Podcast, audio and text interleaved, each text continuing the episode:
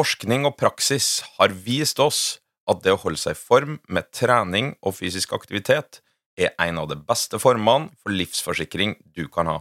Men ingen av oss vet hvilke retninger livet tar oss i, og selv ikke trening kan beskytte deg mot uforutsette hendelser som brann og ulykker i hjemmet ditt, et sykt barn eller forsikre bilen din. Til det her har du forsikringene til Fremtind Forsikring, som er eid av Sparebank1 og DNB. Ready, set, go! Hjertelig velkommen til prestasjonsprat med Eirik og Melina. Hei, Melina. Hei, Eirik. Da var vi endelig tilbake. Endelig er vi tilbake. Vi har hatt en podpause som vi ikke egentlig hadde planlagt å ha, men den bare kom. Ja, øh, jeg har jo vært øh, på tur. Jeg har vært øh, på VM, jeg har vært på verdenscupavslutning, og så var jo egentlig planen å spille inn øh, en podkast ifra VM. Ja, og planen var også egentlig at du skulle komme hjem eh, Ja. litt imellom der, sånn at vi skulle egentlig ha flere anledninger til å spille inn podkast. Ja.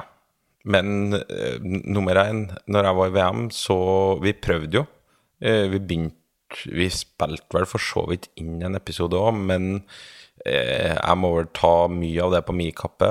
Eh, når du er på VM, så har du så fokus på det at jeg, jeg datt egentlig veldig ut av eh, hele podkastinnspillinga. Var ikke helt fokusert. Eh, ja, det var ikke Jeg var ikke meg sjøl, enkelt og greit. Nei, du var Det kommer unnskyldningene på løpende bånd. Ja. Nei, men eh, jeg, skjønner, jeg følte jo det også når vi prøvde oss på en innspilling der, at eh, han satt liksom ikke så godt. Jeg vet Jeg har vært på et VM selv, jeg vet eh, litt om hvordan det er, og liksom du glemmer litt at det fins en verden utenfor, og det må du nesten hvis du skal ja. klare å, Ja, å altså, gjøre den jobben. Det blir sånn Du dytta deg til sent på kvelden, og så har du egentlig lyst til å gå og legge deg. Det er helt sikkert noen møter som eh, kommer opp, og eh, som du delvis i hodet mens du prater om andre ting, sitter og forbereder deg på. Ja, det er ikke så bra, vet du. Nei, så at eh, da Den podkasten, den ble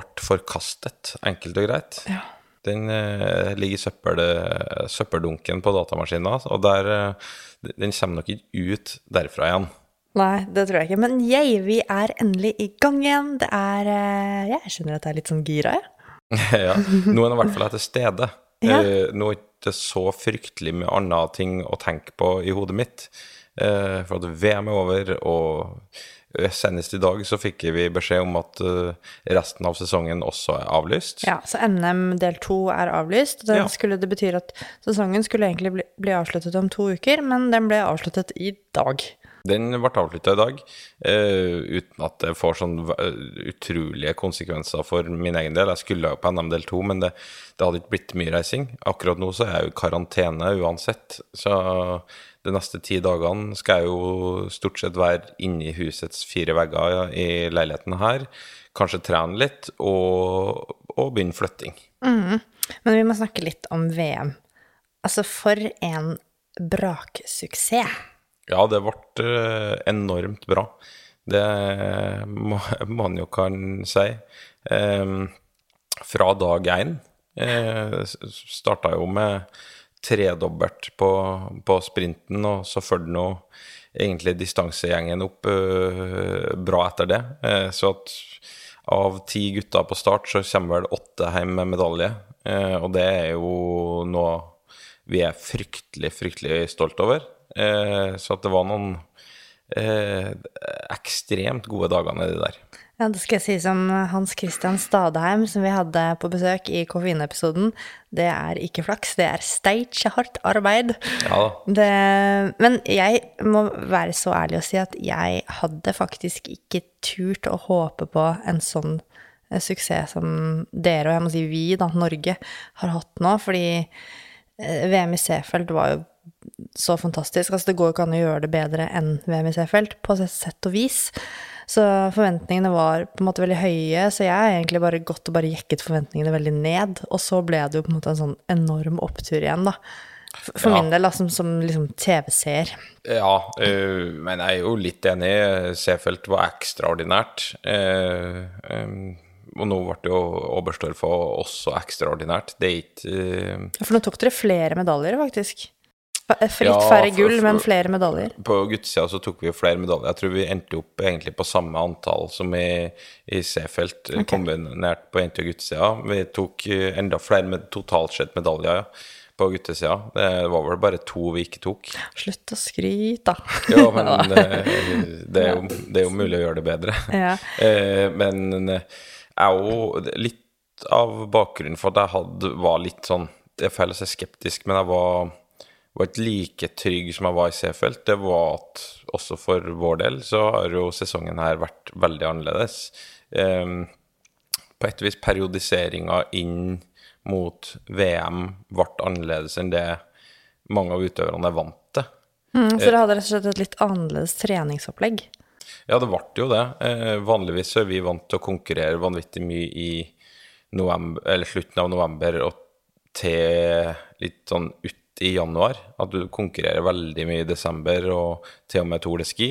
Og så tar du en litt roligere periode og får trent egentlig da godt inn mot et mesterskap. I år så på grunn av at vi eh, som nasjon valgte å ikke eh, reise nå i desember og avstå fra konkurranser rundt omkring i Europa, så eh, ble det jo desember en treningsmåned. Og så satte vi i gang å konkurrere i januar, og fra siste konkurranse i januar til VM så var det vel i underkant av fire uker. Og, og fire uker høres ganske lenge ut, men samtidig så er det Det er kort hvis du skal ha noe til å skje. ja, det er en sånn, er en sånn mellomlang Du rekker ikke å liksom legge inn en lang periode med masse trening. Eh, for da du kommer fra masse konkurranser, så må hvile litt. Og så må du begynne å trene litt igjen, og så må du så skal du òg slippe opp inn mot et mesterskap for å ha overskudd til det. Og, så, ja, jeg sleit litt sånn i hodet mitt med å finne ut hvordan vi skulle egentlig løse det her, da. Men um, så jeg vil jo si at vi landa egentlig på en sånn verken-eller-løsning. Eh, eh, Det hørtes jo ikke så veldig jo, stødig ut. jo, men der, der du egentlig Ingen sånn dunka på det de kunne av trening. Du, du, du ligger på en sånn gyllen middelvei. Holde hjula i gang, som vi sier. Ja, holde hjula litt i gang, men eh, samtidig så tror jeg nok at den polariseringsbiten som var i C-felt, der folk kanskje trente litt mer i januar og hadde litt mer å slippe opp på, den hadde vi ikke her, men likevel, vi er fryktelig godt trent, da. Eh, som gjør at vi likevel klarer å hente fram noen formtopper der, og jeg, jeg tror sånn eh, Folk visste stort sett hva de skulle gå tidlig og kunne ha forberedt seg til det. Og det eh, for hvert individ så tror jeg det er et, eh, en stor, stor fordel. Ja, det er jo ganske viktig at man klarer at man får tida til å forberede seg. Og det er gjenspeiler jo det at den, ja, det å ikke gjøre laguttak litt sånn rett før, da. At man har fått i hvert fall en indikasjon på hva man er aktuell for. Ja, I hvert fall på individuelt plan. da. Stafetter er jo, er jo noe helt annet, men, men på individplan så tror jeg det er en, en fordel for deg. Du, en ting er jo det du trener som gruppe, og, og, og, som når jeg prater, at hva vi gjorde, så er jo det sånn du er sånn i snitt gjorde. Og så er jo forskjellig hva individene her øh, gjorde, da. Eh, litt sånn avhengig av hva, hva de skulle gå. Men sånn generelt så var jo ikke min skepsis, men sånn der jeg kanskje ikke var like trygg, var jo på at eh, periodiseringa inn mot det mesterskapet her var annerledes enn hva egentlig eh, alle vant til. Eh, og, og, og ting vi har lyktes med før. Nå har vi jo lyktes med det her òg, så det er klart at det er jo, det er jo mange veier til rom. Eh, det er det, men jeg var likevel Du er alltid usikker når du inn mot et mesterskap prøver noe du ikke har prøvd før. Ja, det er jo høyt spenningsnivå nok fra før av, og så blir det her en tilleggsfaktor. Definitivt. Men jeg må, ehm, før vi går i gang med hoveddelen på episoden, så tenker jeg at jeg vil jo spørre deg om noe som jeg opplever å få mange spørsmål om, litt sånn uh, mer sånn på dine vegne, nesten. Men um, denne norske dominansen eh, i uh, langrenn er det liksom Jeg har jo fått med meg en artikkel, om det var i VG eller hvor det nå var, hvor du har uttalt at um, vi ikke kan dra på fylla to dager før hver samling for, å, for at eh, man skal få hardere konkurranse. Um, men eh, Og jeg, jeg støtter jo på en måte det at man må gjøre den absolutt beste jobben man kan hvis man skal drive med eliteidrett. Man kan ikke senke krava og garden bare fordi andre folk ikke er bedre. Da må man heller prøve å trekke de med. Men um, eh, det som jeg opplever at mange lurer på, er uh, i hvilken grad er um, eh, Norge da, som langrennsnasjon åpne på å dele informasjon og uh, treningsdagbøker Altså dele av hva, hva er det hva er det vi gjør i Norge som er nøkkelen til den suksessen som har vært de siste årene, da? Nøkkelen, nøkkelen til vår suksess ligger jo ikke til meg eller til, på elitenivå. Den største nøkkelen ligger jo på, på klubbnivå. Eh, på, Du har fått mye materiale å ta av, rett og slett? Ja, men det er jo der folk formes. Eh, Det er jo der du, du, du Dem som kommer inn på et elitelag, dem er jo dem er jo noen av de beste i verden allerede. Ja, de er ganske forma, da. De er fryktelig forma, og, og i Norge så er det mange som driver med langrenn. Det, det vil si at mange av dere som jeg sånn generelt kaller idrettstalent, da, som fort kan lykkes med mange typer idrett. Eh, I Norge så er mange av dem som velger langrenn. Mm. For at langrenn er stort, det har en viss status. Eh, ja, nasjonalsport, you name it. Eh, I andre land så eh, velger jo mange færre av det her idrettstalentene eh, langrenn. De velger andre ting som er større status i det landet å lykkes med. Dermed så eh, er det vanskeligere å få mange sånne her topper. Du har jo, altså, det er jo absolutt mulig, men det, du, det som er i Norge, er at vi har fryktelig mange å ta av. Eh, du har jo andre nasjoner, og Dario Colonia som har vært ganske alene i Sveits i mange år, men har jo lyktes på det aller øverste nivået i mange, mange, mange år. Justina Kowalczyk er jo en jeg har tenkt Kowalczyk, eh, Pellegrino, eh, eh, som er sånn enkeltstående løpere som er outstanding, men som lag eh, på å tar du den 30. beste i alle nasjoner i verden, og de, de skal gå mot hverandre. Så jeg, da er jeg helt sikker på at han 30. beste norske, han slår den 30. beste i alle andre nasjoner. Ja? Eh, vi kan bli slått på toppnivå. Det, det, det er jo åpenbare bevis for det. Eh, men, men sånn Den bredden som er i Norge, er helt ekstrem. Og hva gjelder hva vi bidrar med eh, ut i verden, da, det er jo egentlig masse. Det starter jo på juniornivå med at Norge har jo åpne juniorsamlinger hvor hele verden inviteres for å se hvordan er det vi trener. Eh, altså i Norge, juniorer i Norge. Det er jo det, det er mye viktigere det enn en hvordan det vi formtopper eh, inn mot et mesterskap. For det, det er jo det er peanøtter i forhold til den jobben som ligger fra, på utøvere fra med ja, si 14-15 år, da, og, og opp til de etablerte seniorutøvere. Det er der jobben ligger. Og vi kunne godt ha hatt nærmest åpne treningsdagbøker, vi, men det er heller ikke det som er nøkkelen til ting. Eh, jeg òg kan jo eh, ta treningsdagboka til Sju Røtte, da. Og si sånn OK, ja, du gjorde sånn ja, det siste året før du ble verdensmester i Seefeld.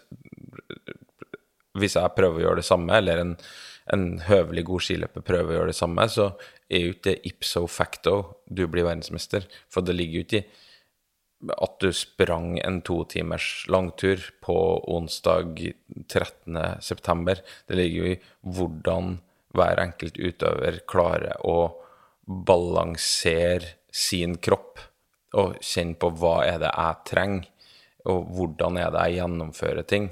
Eh, det handler ikke om det som står i treningsdagboka, en to timer rolig rulleskitur. Det er ganske mange måter det kan gjennomføres på men det vil i treningsdagbok stå to timer rulleskitur. Mm. det er om at du klarer å eh, Hvordan du klarer å bli bedre på hver økt, da. Eh, og det fanger du ikke opp i ei, ei, ei treningsdagbok. Det, det er jo noe som dere Noen få, ikke bare i langrenn, men i, i alle idretter i verden. Hvor, hvorfor er det noen blir bedre enn andre, da? Og, og sånn er det jo i langrenn òg. Du kunne sikkert ha hadde det vært noe treningsdagbok på Lionel Messi, så er jeg sikker på at ganske mange kunne ha prøvd det. De hadde ikke blitt Lionel Messi uansett om de har kopiert 100% alt han hadde gjort. Eh, for at det er more to it enn bare treningsdagbok. Det gir selvfølgelig mye informasjon, det, men absolutt ikke alt, og kanskje ikke det aller, aller viktigste. Nei, det er jo som du Det her hører jeg liksom at dette, dette kan eh, være et langt og stort tema. Ja. Men eh, Og så er det jo også dette her med eh, utstyr og støtteapparat og skismørning og hvor langt fremme Norge er osv. Det er jo veldig mange som tror at eh, Norge har helt sinnssykt stort støtteapparat, og på, et vis så er det eh, mange mennesker som er ute på reise når dere drar på verdenscup, men per utøver så er det jo egentlig færre enn for mange andre nasjoner. Ja, ja, ja. Eh, Og, Sånn at eh, man kan på en måte ikke legge alt på det heller, da. Men det, jeg bare syns det er eh, interessant å, å høre litt om ja, akkurat hva du tenkte der med å jo, men du, du, hadde, ikke- vi hadde, altså, du hadde blitt bedre om du hadde hatt 1000 smørere. Altså, det, det, er jo, det er jo eh, Det handler jo mye mer om systematikken i arbeidet. Alle nasjoner har tilgang på akkurat det samme materialet. Eh, akkurat samme smørninga. Du tenker at det er gode metoder, rett og slett? ja, altså hvordan skal du få best, mest mulig ut av den arbeidsforcen du har, eh, det materialet du har, eh, det å, å ta vare på kunnskap fra en dag til en annen, og systematisere kunnskap, da. Eh, sånn at du ikke begynner med blanke ark hver eneste dag, for da rekker du ikke overalt. Så, så på et vis komplisert eller sånn nyansert er det her.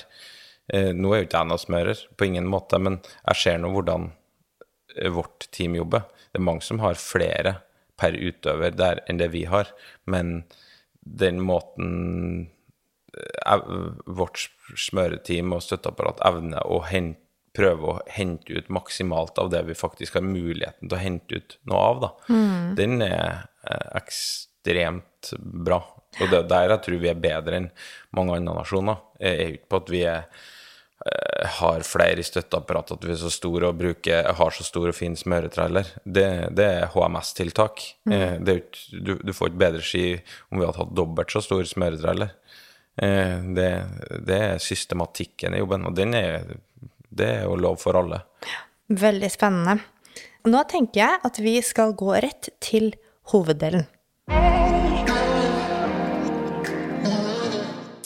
Ja, og dagens hoveddel, det er en spørsmålspod. Vi har fått inn så Vi får alltid inn fryktelig mye spørsmål eh, til hver episode, og ikke alle rekker vi å svare på i hver episode, så noen sparer vi på.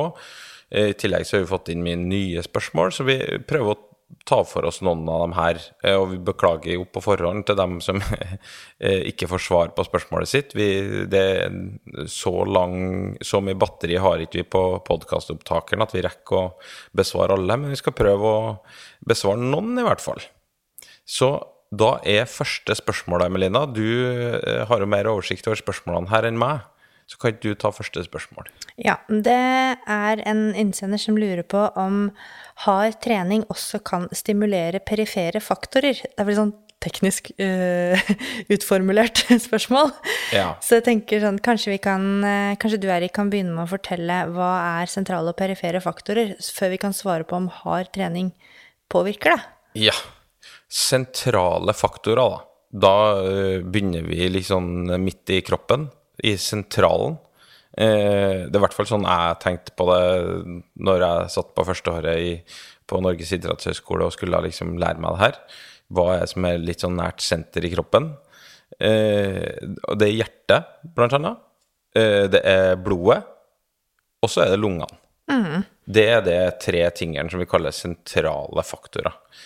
Perifere faktorer, det ligger jo da i ordet, som da er litt mer perifert ut i, eh, ut i periferien. Eh, det kan være muskulatur, eh, og litt sånn overgang av blod til muskulatur. Det er det jeg kaller perifere faktorer. Ja, og ikke bare du, det er sånn det er i treningsfysiologien. Og så er spørsmålet om hard trening kan påvirke de perifere faktorene. Kan hard trening eh, også påvirke eh, da eh, eh, skjelettmuskulaturen din, rett og slett? Ja, for- eh, for og da tenker, tror jeg kanskje at innsenderen mener hard utholdenhetstrening. Ja, poenget her er jo litt sånn at det er jo en et, Og jeg, jeg tror jo Der er jo jeg òg litt sånn at sånn Du tenker jo at hard trening det, det, det, altså Vi må få hjertet til å pumpe litt for at det skal påvirke. Det preacher vi jo hele tiden, ikke sant? Ja, og litt av poenget er at det, i det så er det mye riktig. Men det, det, er, ikke, det er ikke noe vanntette skott her.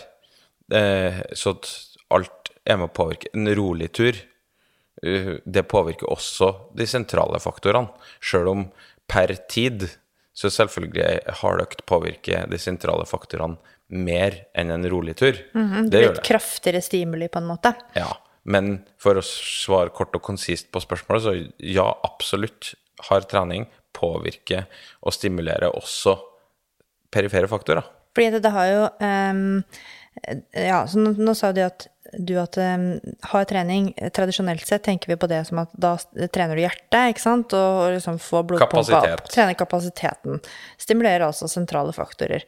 Og så har man jo tenkt sånn at uh, ok, så da er det jo rolig trening og mer moderat trening vil stimulere mest de perifere faktorene, altså stimulere til den muskulære utholdenheten din. Og så er egentlig det det er jo en sannhet med visse modifikasjoner, men jeg vil gå så langt som å kalle det en myte. Fordi det er jo sånn at det å eh, kjøre harde, tøffe eh, økter, det påvirker også utholdenhetsegenskapene i muskulaturen. Eh, definitivt. Og jeg har lyst til å ta et sånn ytterpunkteksempel. F.eks. sprintintervaller, da. Repetert sprint.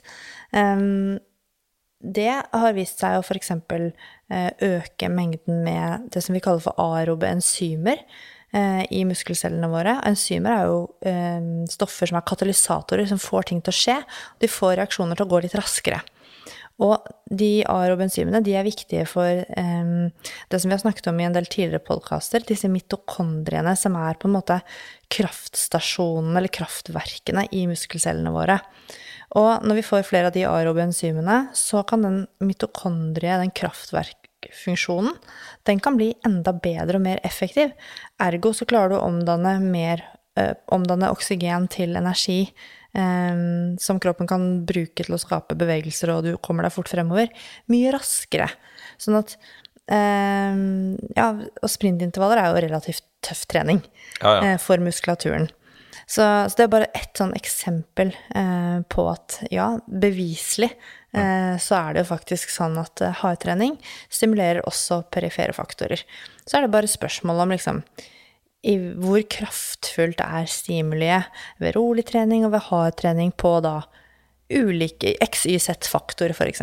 Og det er jo litt det vi tenker på da når vi skal sette opp trening som ja, med bakgrunn i fysiologien. Ja, og, og, og poenget er at uh, hard trening påvirker jo det her i ganske stor grad. altså Det, er det er perifere faktorene. og Da kunne man tenkt ja, men da er det ikke noe poeng med rolig trening, fordi at det, det største stimuliet får du jo over hele linja, da, både sentralt og perifert, via hard trening. Men og det, og det som er så fint med det her, er jo at eh, det det er et mattestykke som ikke nødvendigvis går opp, da, og det er det som gjør treningsvitenskap litt sånn eh, Det er ikke alltid helt eksakt, for du kan ikke følge eh, Excel-arket ditt med plusser og minuser, for at har du bare hardøkta, så får du et litt for lite volum, i hvert fall på elitenivå får du et altfor lite volum på det, for at du er nødt til å ha restitusjon. Eh, og hardøkt, det bryter deg ned, eh, og derfor så kan du da bruke rolig trening til å, en kombinasjon av restitusjon og fortsette å faktisk gi kroppen stimuli Eh, og kanskje et annet stimuli som liksom den polariseringsmodellen da, gjør at du faktisk kommer styrka ut av, eh, av, av det her, sjøl om ei, ei rolig økt per tid ikke like effektivt som eh, stimuli som ei hardøkt, men kombinasjonen av rolig og hardt da, er til sjuende og sist det som eh, gjør det her bra, og, og får Eller at du får best mulig og størst mulig framgang. Da. Mm, og bare avslutningsvis til det spørsmålet, da. Det, det som Erik forklarte nå, det er jo også litt bakgrunnen for at eh, f.eks. antallet hardøkter ja, antall hardøkter eh, ikke nødvendigvis er så forskjellig hos en toppidrettsutøver og en mosjonist.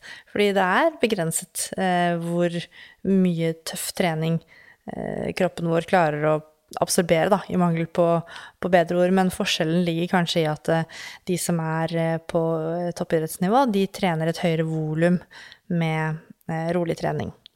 Så jeg håper det var et godt svar på det spørsmålet. Ja, du får effekt eh, på perifere faktorer med hard trening.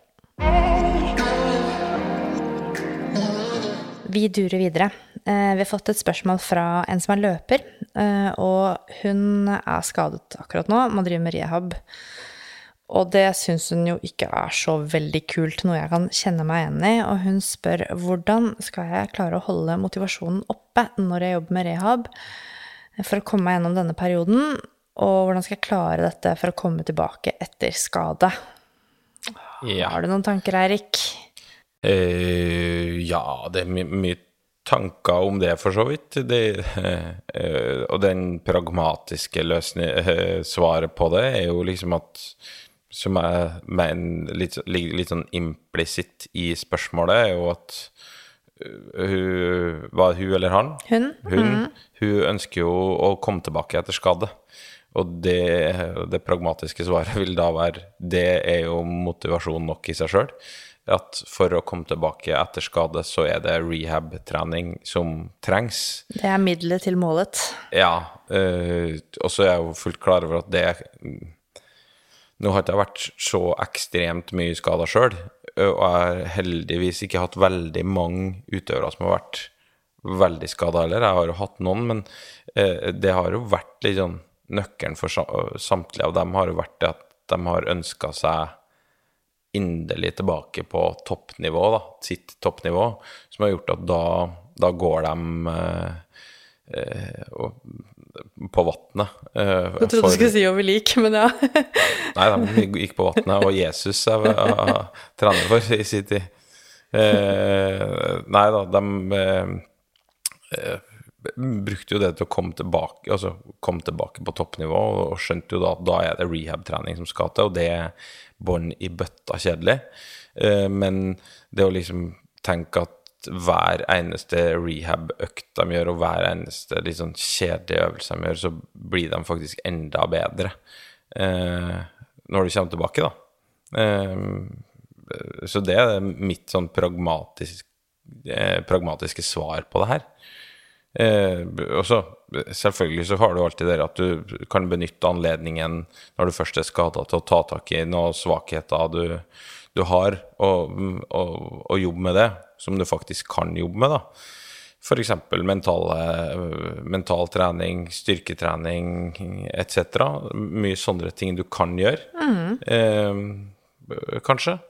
Ja. Eh, har du noen Ja, absolutt. Um, ja, jeg tenker jo som deg også at det er en veldig fin anledning til å bare Ting du ikke fikk trent så mye på når løpinga var kanskje mest i fokus, det kan du trene på nå. Eh, og da kan man jo benytte anledningen også til å ta kanskje kontakt med personer som er f.eks. gode på mentaltrening og styrketrening, og, og liksom eh, kanskje få hjelp til et opplegg, sånn at du gjør det hele litt sånn interessant for deg selv. At man kan få en liten edge i treningen. Eh, at du har noe som at du har noe å trene på litt på siden av rehab-treningen, er det jeg skal frem til. Tror jeg er veldig lurt. Eh, både for å bli fysisk og mentalt sterkere.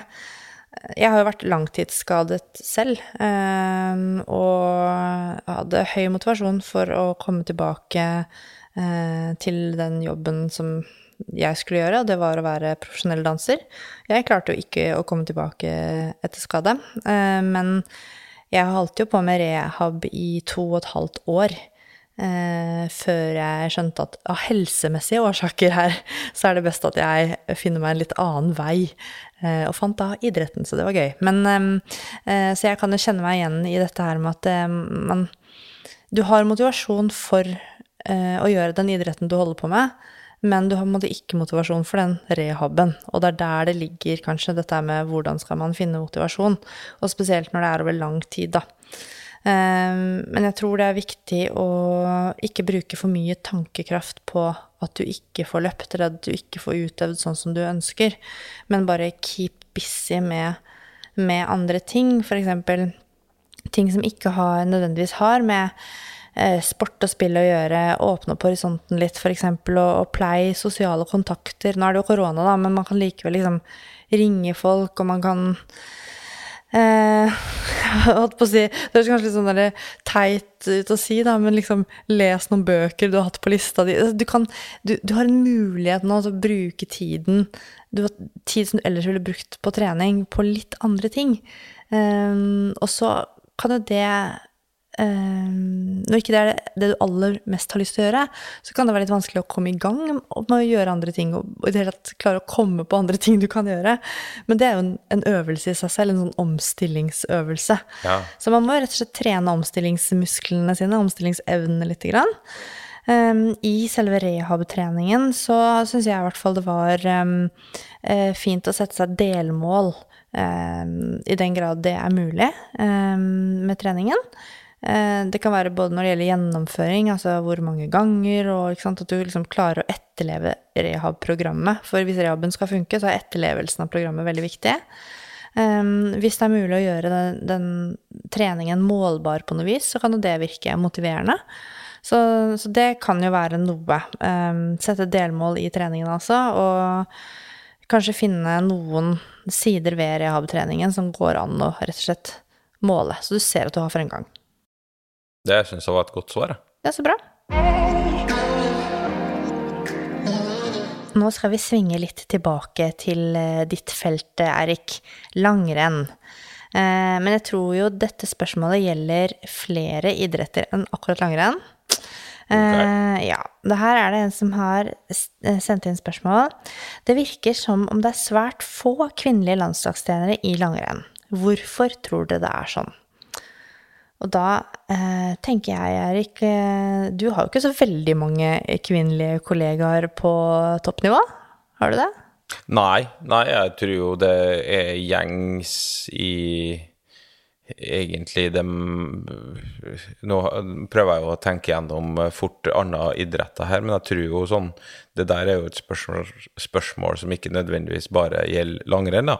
Jeg tror jo det gjelder veldig mange andre idretter òg, at på, det, på elitenivå, da, så er det er det en veldig stor andel menn som er eh, landslagstrenere, da, hvis du skal si det sånn. Mm. Jeg opplever litt sånn at eh, i, uh, i, toppidretten så er det fort sånn at eh, de kvinnene, da, nå snakker jeg om støtteapparat, er kanskje jobber med ernæring, er klinisk ernæringsfysiolog, man er kanskje fysiolog, sånn som jeg er, fysioterapeut, man har liksom andre oppgaver enn den hovedtreneroppgaven.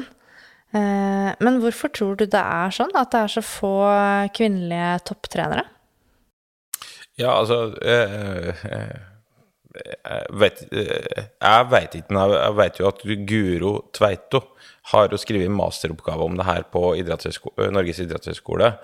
Eh, og der fant jeg jo en del ting. Så da er jo hva jeg tror, er jo sidestilt, for at hun, hun beviste jo det her ja, eh, gjennom sin eh, masteroppgave. Men eh, så skal jeg jo si at vi har jo i langrenn så har du jo kvinnelig juniorlandslagstrener. Mm -hmm. Så jeg, jeg tror jo faktisk at eh, langrenn Og regionstrener, unnskyld at jeg avbryter. Og regionstrener. Eh, sånn at vi, vi, har jo noen. Ja, men Selv, det er litt sånn gratulerer, to kvinnelige trenere på toppnivå. Jo, men jeg tror, jeg tror, jo nok i forhold til mange andre idretter, så tror jeg vi, vi faktisk har noen, da. Eh, men selvfølgelig, vi er jo langt ifra eh, kjønns, i kjønnsbalanse eh, totalt sett. Det er jo ingen som helst tvil om. Eh, men eh, som da Guro kom fram til i sin masteroppgave der, da, så var det jo det at eh, jenter føler kanskje at de må overbevise, da. Mer enn kanskje det å bevise for å få jobben. Mm. og at på grunn av at en viss manns dominanse, da, så er det kanskje mangel på muligheter og, og støtte fra miljøet. Og det er jo fordi at menn ofte ansetter menn, da. Ja, det tror jeg nok. Og så blir det jo kanskje vanskelig også for um, det, det vet jeg gjelder i andre, på andre arenaer, andre sfærer også. uh, type andre bransjer. At uh, der det er mangel på kvinnelige rollemodeller, der uh, er det vanskeligere for kvinner å, å se for seg at de kan ha en plass. Em, og så fant jo Guro også ut at mange kvinner syns det er vanskelig å balansere familie og jobb. Um, at det kanskje Jeg kan jo se for meg at det kanskje er litt andre eh, forvent At man har litt forskjellige forventninger til hva kvinner skal ta seg av, og hva menn skal ta seg av, fortsatt, da. Jeg merker jo litt det nå som eh, jeg er mamma, eh, og så har jo vi fått Niklas, eh, og dette året her har jeg hatt perm. Men selv om jeg ikke hadde hatt perm, så tror jeg nok fort at det hadde blitt sånn som, som vi har anordnet oss nå, da. At din jobb er viktigst fordi det var ski-VM. Men det betyr jo ikke at min jobb ikke er viktig, men akkurat i år var min jobb var din, var din jobb viktigst. Um, jo, men så, jeg, jeg, jeg snur litt på det her, da. Altså, hvis jeg eh, Altså, jeg Nå snakker jeg for meg sjøl. ja, ja. Hvis det hadde vært sånn at det var jeg som hadde skulle ut i permisjon med en gang, da, og da vært i permisjon fra ja, mai? Til, til, til, til nå Det hadde Altså eh, Det hadde ikke gått for meg. Nei, det hadde jo ikke det, da. Og det, du, det hadde Og det er på det personlige planet. Det Å, jeg hadde ikke det, da. Nei, altså, det hadde, altså jeg, hadde ikke, jeg hadde kjent så på at Jeg kjenner på det hvis jeg går glipp av ei fellesøkt i Oslo. Ja, tenk for meg, da. Ja, ja, men jeg kan bare snakke for meg sjøl. Men det føler jeg på. Ja, Så du føler ikke at du går glipp av din sønns første steg og liksom når du har vært borte Jo, nå en jo, måned, Men- og så er det liksom som en fellesøkt i Oslo? Det er liksom krise. Men jeg, jeg synes, det er derfor jeg sier at, at jeg syns det punktet, da At øh, jenter syns det er vanskelig å skal balansere familie og jobb. Er det bare våre følelser, liksom? Nei, men det er det jeg sier. At det skjønner jeg. Ja, ok. Eh, Ja, altså, det her er full Altså, det, fordi at det, det Jeg prøver å sette meg sjøl i, i den Jeg driver jo og, og diskuterer opp og ned i mente i hodet mitt i forhold til noe jeg veit som kommer neste år, altså tre uker høyde. At jeg sånn kanskje skal gå, droppe ei uke av, av ei høydesamling. Og det er sånn jeg, Kanskje jeg, ikke, liksom. Jeg, jeg kan jo ikke gjøre det.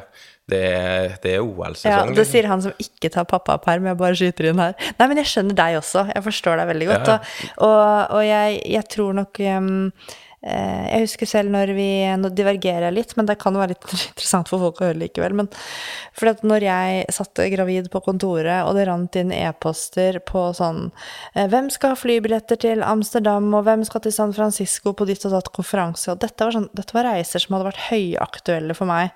Eh, koronaen hadde enda ikke truffet så hardt, da, så vi trodde jo at det skulle være masse spennende konferanser og alle de store tingene, ikke sant. Og jeg var sånn Jeg vil til San Francisco, liksom. Jeg vil hit, nissen og pissen. Og satt liksom på et møte der og bare Nei, jeg skal ikke ha noe flybillett, jeg er for gravid til at et flyselskap vil ha meg med. Ikke sant? Jeg fikk helt fair of missing out, og bare syntes det var så kjipt, liksom. Og følte at jeg skulle gå glipp av alt det der. Og så må jeg bare si, politisk ukorrekt, heldigvis så bare stengte hele verden. Sånn at jeg har ikke gått glipp av noen ting. Nei. Nei, så det er en veldig egoistisk tanke, da. Men, men jeg skjønner veldig godt at det, det er vanskelig å balansere. Eh, og Ja, men det, det. Men det irriterer meg at det er flest kvinner som får spørsmålet hvordan klarer du å balansere familie og jobb, fordi at det, det er jo også vanskelig for menn på et vis. Men jeg tror, men det virker som at kvinner eh, eh, i større grad velger andre karriereveier enn menn på grunn av at det er vanskelig å balansere eh, Ja. familie og, og jobb, mens menn ikke gjør det. Ikke sant? Det betyr at to personer kan ikke ha like store, viktige jobber samtidig uten å ha au pair. Nå setter jeg ting innmari på spissen. Men ja. Jo, men- men, sånn hvis, Og i langrenn er det masse reising, ikke sant? Poenget er jo at jeg, òg kunne ha tatt, uh, tatt perm, da. Altså, jeg jeg, strengt tatt så skulle Hvis vi har fulgt boka, så skulle jeg gått ut i perm i januar, da. Mm. Ja, da eh, Men min arbeidsgiver kan ikke nekte meg det. Strengt talt. Nei, nei, det er din rett. Ja, men Og jeg Altså For å bruke mine egne ord sa det hadde ikke gått. det, det, det, Men jeg sier det var faktisk mitt forslag da, til å Jeg tror det faktisk var jeg som sa sånn Kanskje du bare ikke skal ta på en? Tror ikke det lønner seg, Erik. Nei, så det var jo litt sånn privat om vår familie, da. Men, eh, men det er absolutt en veldig sånn, en høyaktuell, et høyaktuelt punkt, det her med at det er vanskelig å balansere jobb og familie. Så det var også et funn Guro gjorde, da. Eh, Ja, og- men, og det, og det vet jo jeg, men det, jeg tror jo sånn overall så tror jeg nok at både eh, jente, kvinner og menn eh, kjenner på det. Mm. Men jeg tror menn, i, altså i mangel på bedre Skal vi si ord gi faen nå? Gi faen. Ja, De er bedre på å gi faen. Ja. Eh, og, og liksom sette jobb litt høyt, da. Ja. Eh, Men det jeg tenker- du må, må huske at nå spørsmålet er knytta til, til elitetrener eller landslagstrener, da, hvilken som helst idrett, for så vidt. Eh, for meg, ja, det er jo klart jeg òg kjenner på det. Altså, neste år jeg kommer jeg til å ha flere hundre reisedøgn. Og det er jo klart, ja, du, går, du kjenner på at du går glipp av noe hjemme, men samtidig så er det ikke noe jeg, Sånn som mitt hode er, den dagen jeg begynner å tenke og, å, ta litt for mye shortcuts på det der, så må jeg heller slutte. For da jeg vet at det er viktig at jeg er der. Skal jeg gjøre jobben min ordentlig? Og det har jeg tenkt å gjort så lenge jeg har den. Jeg vil heller ha den litt kortere og gjøre den ordentlig. Eh, enn å ha den lenge og på et vis finne sånn gylne middelveier hele tida. Og enn så lenge så har nå vi òg landa på det at sånn gønn på. Eh, og da Så det der Det hadde vært et umulig valg for meg. Men jeg tror jenter kanskje kjenner litt mer på, på det umulige valget, da. Ja, eh, man får dårlig, eller mange opplever jo dårlig samvittighet eh, når man skal være borte fra barnet sitt, da. Ja, og, og skulle du ha hatt jobben min, da, så hadde ikke du heller kommet unna det x antall hundre reisedøgnene. Det hadde du ikke kommet unna. Altså, det part of the game. Eh, det er forskjellen på øverste nivå og, og nivået under, da, er Eller en av forskjellene er faktisk det. Ja. Du kommer ikke unna fryktelig mye reising. Ja, og det er forskjell på å ha en Jeg kaller det å ha en stor jobb, da. Eh, En sånn jobb som du har. Forskjell på å ha en stor jobb som innebærer mye reising, og en stor jobb som du kan gjøre mer eh, fra der du bor, da. Eh, så det var jo ett punkt. Og så er det et annet punkt som jeg syns også er veldig interessant, og dette vet jeg også gjelder på, i andre bransjer, og det er at Guro kom fram til at kvinner tror de må kunne alt, og ha alle kvalifikasjoner eh, for å søke på en jobb høyt opp i systemet. Der er, tenker jo tydeligvis menn og kvinner Nå generaliserer vi jo, da, men, men dette er jo et snitt igjen, da. Eh, der tenker menn og kvinner tydeligvis veldig forskjellig. For at der hvor menn eh, kanskje ser én kvalifikasjon på en stillingsutlysning og tenker ah, jackpot! Denne har jeg, og så søker man. Så vil jo kvinner gjerne se at du passer perfekt inn i den malen som stillingsutlysningen er, før man i det hele tatt tør å levere inn en søknad. Så, så det gjør jo at um, eh, ja, at man får, får få kvinner inn på intervju òg, da. Ja, ja. Og det er jo Hvis en skal eh, se på kvalifikasjonene som jeg har da, for å være landslagstrener, så ganske mange er ikke Altså, jeg har ikke trener Altså, jeg er jo ikke utdanna trener. Det er feil å si. Du er jo, Jo, eh, du er jo utdannet fysisk trener. Jo, men jeg, jeg, jeg Men ikke, du har ikke gått to topptrener i langrenn og sånne ting? Nei, jeg, jeg, har ikke, jeg har ikke et trenerkurs, jeg. Eh, Der har vi den. Katta ut av sekken. Eh, Men ja, selvfølgelig. Altså, jeg har eh, ti studiepoeng i noe som heter fysisk Hva heter faget? Fysisk trener i praksis, eller Ja, noe sånt. et eller annet. Det var på en måte en pakke med mange fag da, som skulle gjøre oss til trenere. Men i utgangspunktet så er jeg jo fysiolog. Ja. Eh, så at det Men jeg, jeg, jeg skjønner veldig godt det punktet, ja.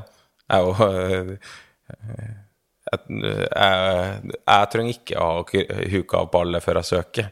Eh, Det, du trenger sånn å være i nærheten av å, å krysse av på én. Som regel så står det er det et punkt som er liksom hvilke språk Altså, du må kan engelsk. Og da Yes, check! Det kan jeg. Søker på den, da. Delvis, i hvert fall, kan jeg Ja. engelsk. Eh, Nei, jeg, der er nok jeg også litt mer mann i hodet enn kvinne. For jeg er også litt sånn Jeg, jeg føler ikke at jeg trenger å passe helt eh, inn på alt. For jeg er litt mer tenker at um, Nei, men det der, det må jeg da kunne lære meg, liksom. Det må gå an å lære seg det. Det er ikke meningen at du skal kunne alt når du kommer inn i en jobb, men så vet jeg også at det er flere som får beskjed om at uh, man burde søke på jobber som man er mer kvalifisert for, og, og litt sånne ting, og får litt sånn slag i trynet på det, da. Så um, Nei, jeg tror um, vi har nok eh, fortsatt Det er litt sånn kvinnekamp, det her. Vi har en vei å gå når det gjelder det å tørre å ta mer plass, da. Um, Og så er det jo også et sånt spørsmål sånn er, Må man absolutt tilstrebe kjønnsbalanse i topptrener? Man, vil jo, man må jo ha folk som er interessert i å være ja, ja. der. Så spørsmålet er er kvinner interessert, eller er man Det samme gjelder jo kvinner i lederstillinger generelt. Dette er jo lederstillinger det er snakk om. Så det er veldig spennende. Jeg tror vi må ha en egen episode om dette her med kvinnelige langrennstrenere osv. Få snakke litt mer med Guro og Og vi klarte nå i hvert fall å bruke my eh, ganske mye tid på det nå, så, eh, og vi har bare skrapa ja, Vi er ikke så kvalifiserte, Nei, på langt nær. Da vi hopper glatt videre vi til neste spørsmål. Litt annet tema nå, for så vidt. Eh, Det er en som sier eh, har skjønt at karbohydrater er tingen. Eh, men kan man velge en hvilken som helst type? Og hva bør en god sportsdrikk inneholde? Og forklar gjerne to til én-ratioen med karbohydrat. Ja, så det spørsmålet her handler jo om sportsdrikke. Dette her med at karbohydrater er tingen. Um, sportsdrikke med faktisk 6-8% karbohydrat har vist seg å bli tatt opp veldig effektivt i kroppen. Nesten like effektivt som rent vann. Eh, Hvis man sammenligner med andre drikketyper som har rundt sånn 10-12% karbohydrat, som eksempel fruktjuicer, da. En fruktjuice vil sakke ned tømmingshastigheten til magen i større grad enn en sportsdrikke. Eh, Så sånn sett kan jo en, en fruktjuice f.eks. skape mer mageproblemer enn en sportsdrikke kan. Um, og så er det sånn at fordi at ulike karbohydrattyper benytter ulike transportmekanismer for å få et optimalt opptak, så er det veldig lurt å bruke sportsdrikke som inneholder ulike typer karbohydrater, både med lange og korte kjeder. Så eksempel eh, noe som er veldig vanlig, er glukose og fruktose. Og dette her med den 2-til-1-ratioen, da.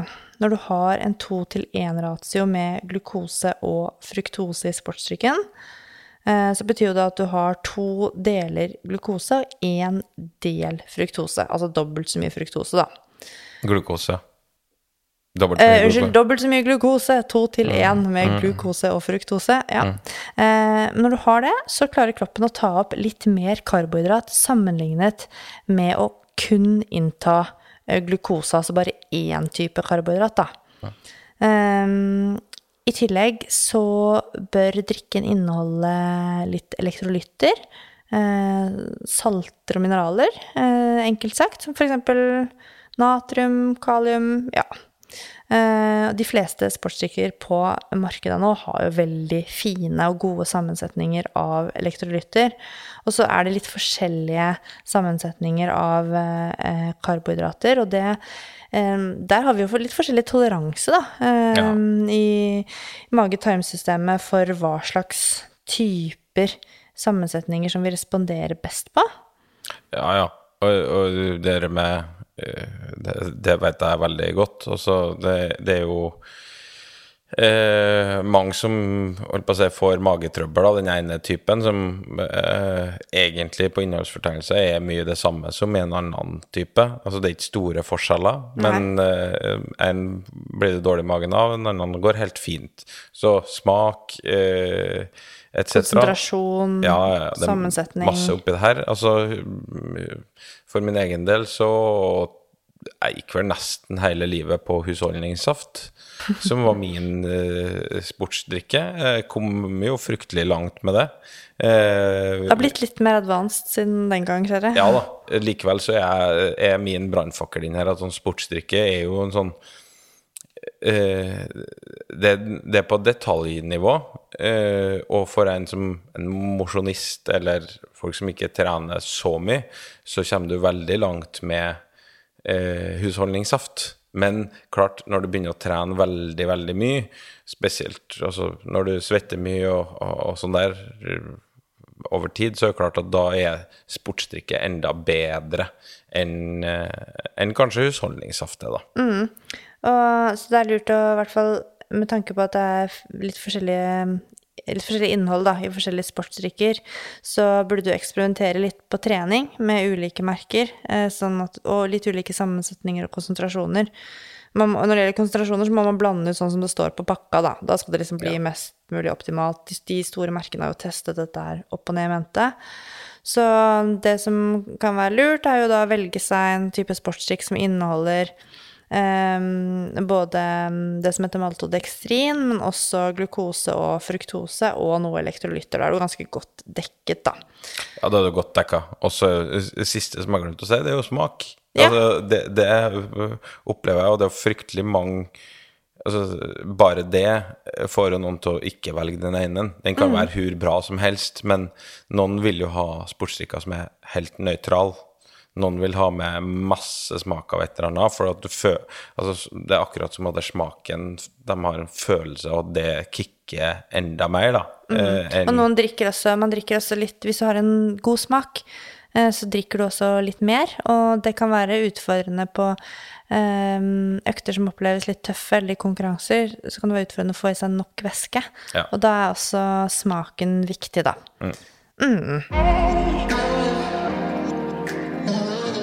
Ok, vi begynner å nærme oss eh, slutten på spørsmålspodden her, men vi har et par spørsmål til. Og neste er Dette er en som har skrevet inn et litt lengre spørsmål, men jeg bare koker det ned til eh, essensen. Ehm, og han skriver at han ikke kommer opp i sin eh, vante høye puls på trening på harde økter. Akkurat som pulsen liksom stopper, da. La oss si at man har 190 i makspuls, og så er man vant til å liksom ligge på sånn 185 på harde økter, men så kommer man liksom ikke opp dit. Og hva kan være årsaken til dette nye pulstaket som denne personen opplever? Eh, Ja, det kan jo være så mangt, det. Eh, eh, Det er noen ganger sånn at hjertefrekvensen den styres jo av det autonome nervesystemet. Eh, Så at man ikke da kommer opp i hjertefrekvens, kan, som jeg sier, ha mange ulike årsaker, som kanskje, i hvert fall i min verden, det mest fremtredende er at du er litt sånn sliten. Ja, det er det i min verden også.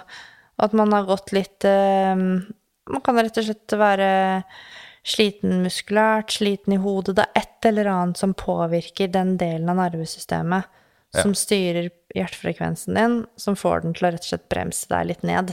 Ja, altså, du er nedtrent. Eh, som, altså, da er en slags sånn beskyttelsesmekanisme, det der. At da eh, sier kroppen ifra at du, sorry, eh, du er såpass sliten at da nekter jeg å, å gi deg det siste lille ekstra, for her, her er det hvile du trenger. Hit, men ikke lenger. Ja, det kan være at det, du har noe sykdom i kroppen etc. òg. Ja, det, og det trenger ikke være alvorlig sykt. Altså, det kan Nei, være sånn, så enkelt som at du brygger på en liten sånn vårforkjølelse. Det trenger ikke å være korona, nei. Nei, det kan det være andre si. ting. Eh, Hele poenget er at det er jo et eller annet sted som gjør at da der bremsen, parasympatiske nervesystemet, som er litt høyere enn hva gassen er, eh, og, og da pulsen stagnerer. Mm. Eh, Så mitt tips hadde jo vært å, i hvert fall hvis det her sånn vedvarer litt, er å eh, å ta en liten sånn pause i treninga. Ta og hvile litt. Eh, Ja, eller i hvert fall redusere treningsbelastningen, da. og, og, og gi det litt tid. Ikke gi det et kvarter, 20 minutter, liksom, før du prøver igjen.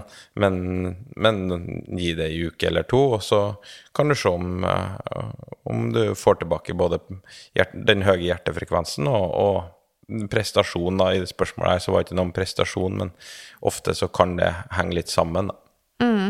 Ja, jeg syns det er et godt råd å liksom da slippe opp litt på belastningen. Og så vil jeg også legge til at eh, det kan være lurt å ikke bare se på treningen isolert sett, men, men se på liksom andre faktorer i livet ditt også som kan skape belastning eh, på kroppen, som gjør at dette parasympatiske nervesystemet, bremsen altså, bremsen liksom skrur seg mer på.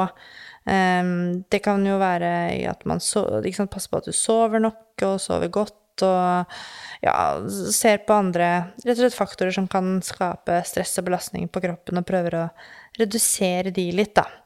Eh, og så må man jo bare prøve igjen, og det er et eh, Man skal ikke krisemaksimere av at man ikke kommer opp i puls på en økt her og en økt der, men jeg, jeg, min erf etter min erfaring så er det et tegn som er lurt å ta på alvor, sånn at man ikke trener seg mer ned enn enn nødvendig. Da blir veien opp så lang, og det er unødvendig.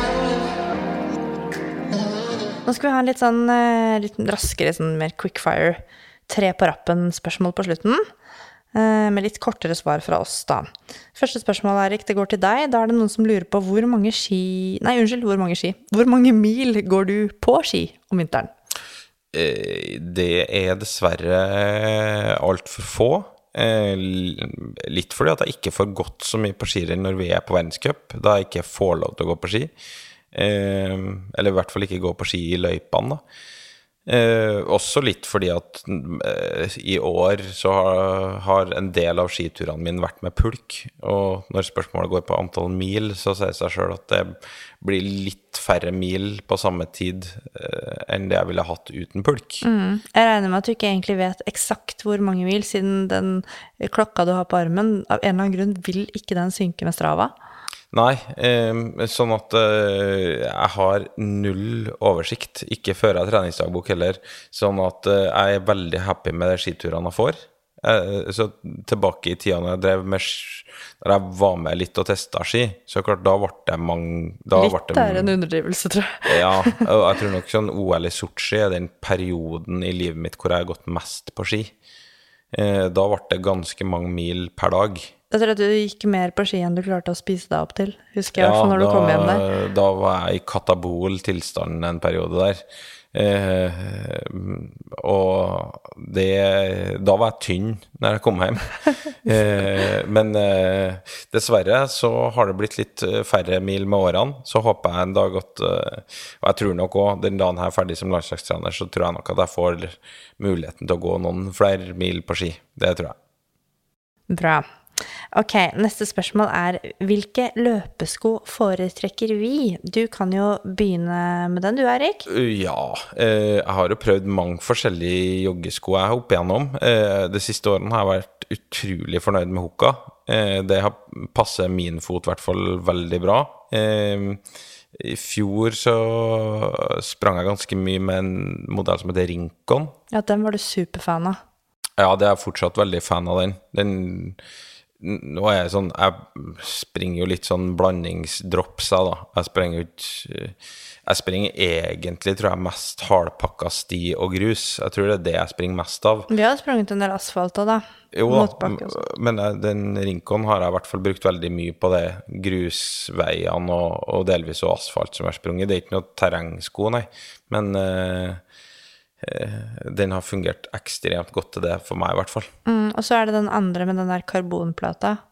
Ja, Carbon X. Ja. Eh, den òg fungerte veldig bra, men eh, klart jeg springer jo så sakte, da, vet du, så at eh, eh, Jeg hadde jo forhåpninger om at den kunne forbedre tida mi med sju-åtte minutter på ti km. Det, det gjorde den dessverre ikke, og det tror jeg ikke det finnes en sko i verden som gjør.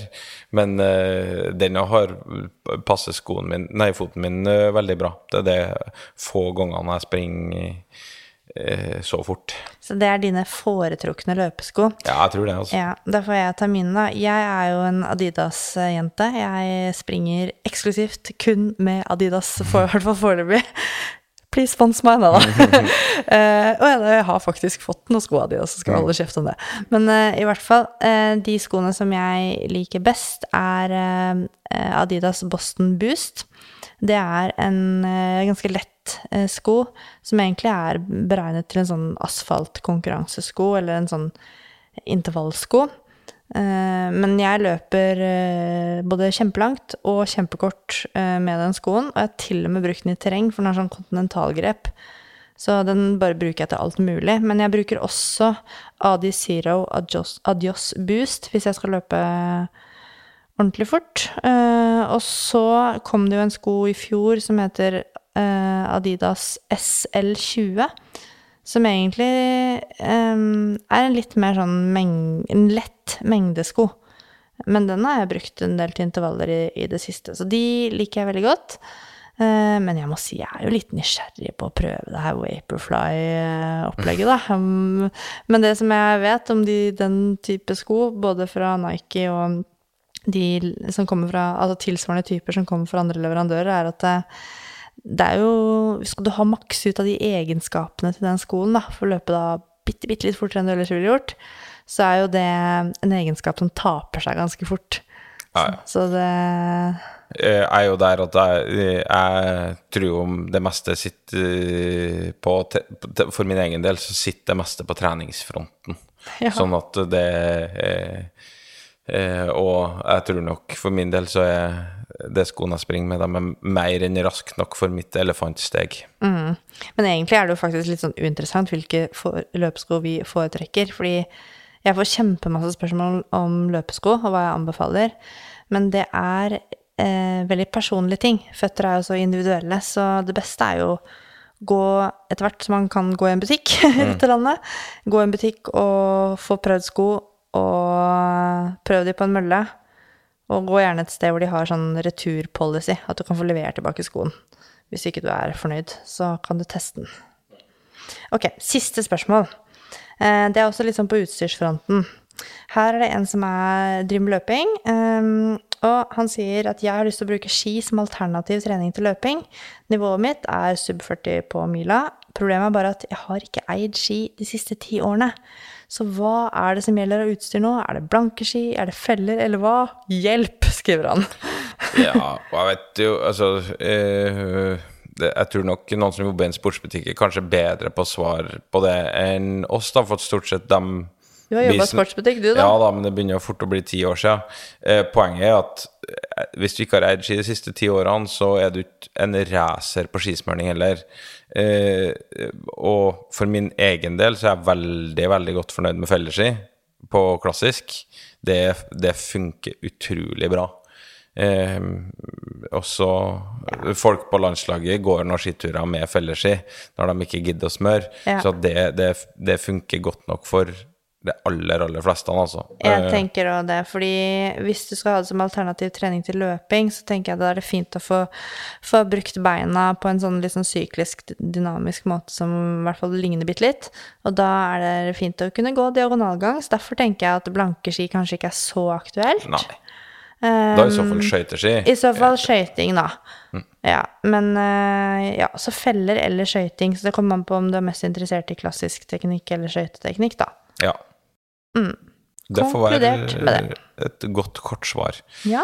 Og med det så tror jeg vi skal takke for laget Mm. for denne gang. Eh, og så kommer vi jo prøver vi jo tilbake nå i eh, vår eh, vante gang hva gjelder publisering av podkaster. Så da får vi sele på litt etter en liten pause. Så det, og det gleder vi oss til. Ja, da blir det nye temaepisoder. Så følg oss gjerne på prestasjonsprat og på gjenhør. På Janner,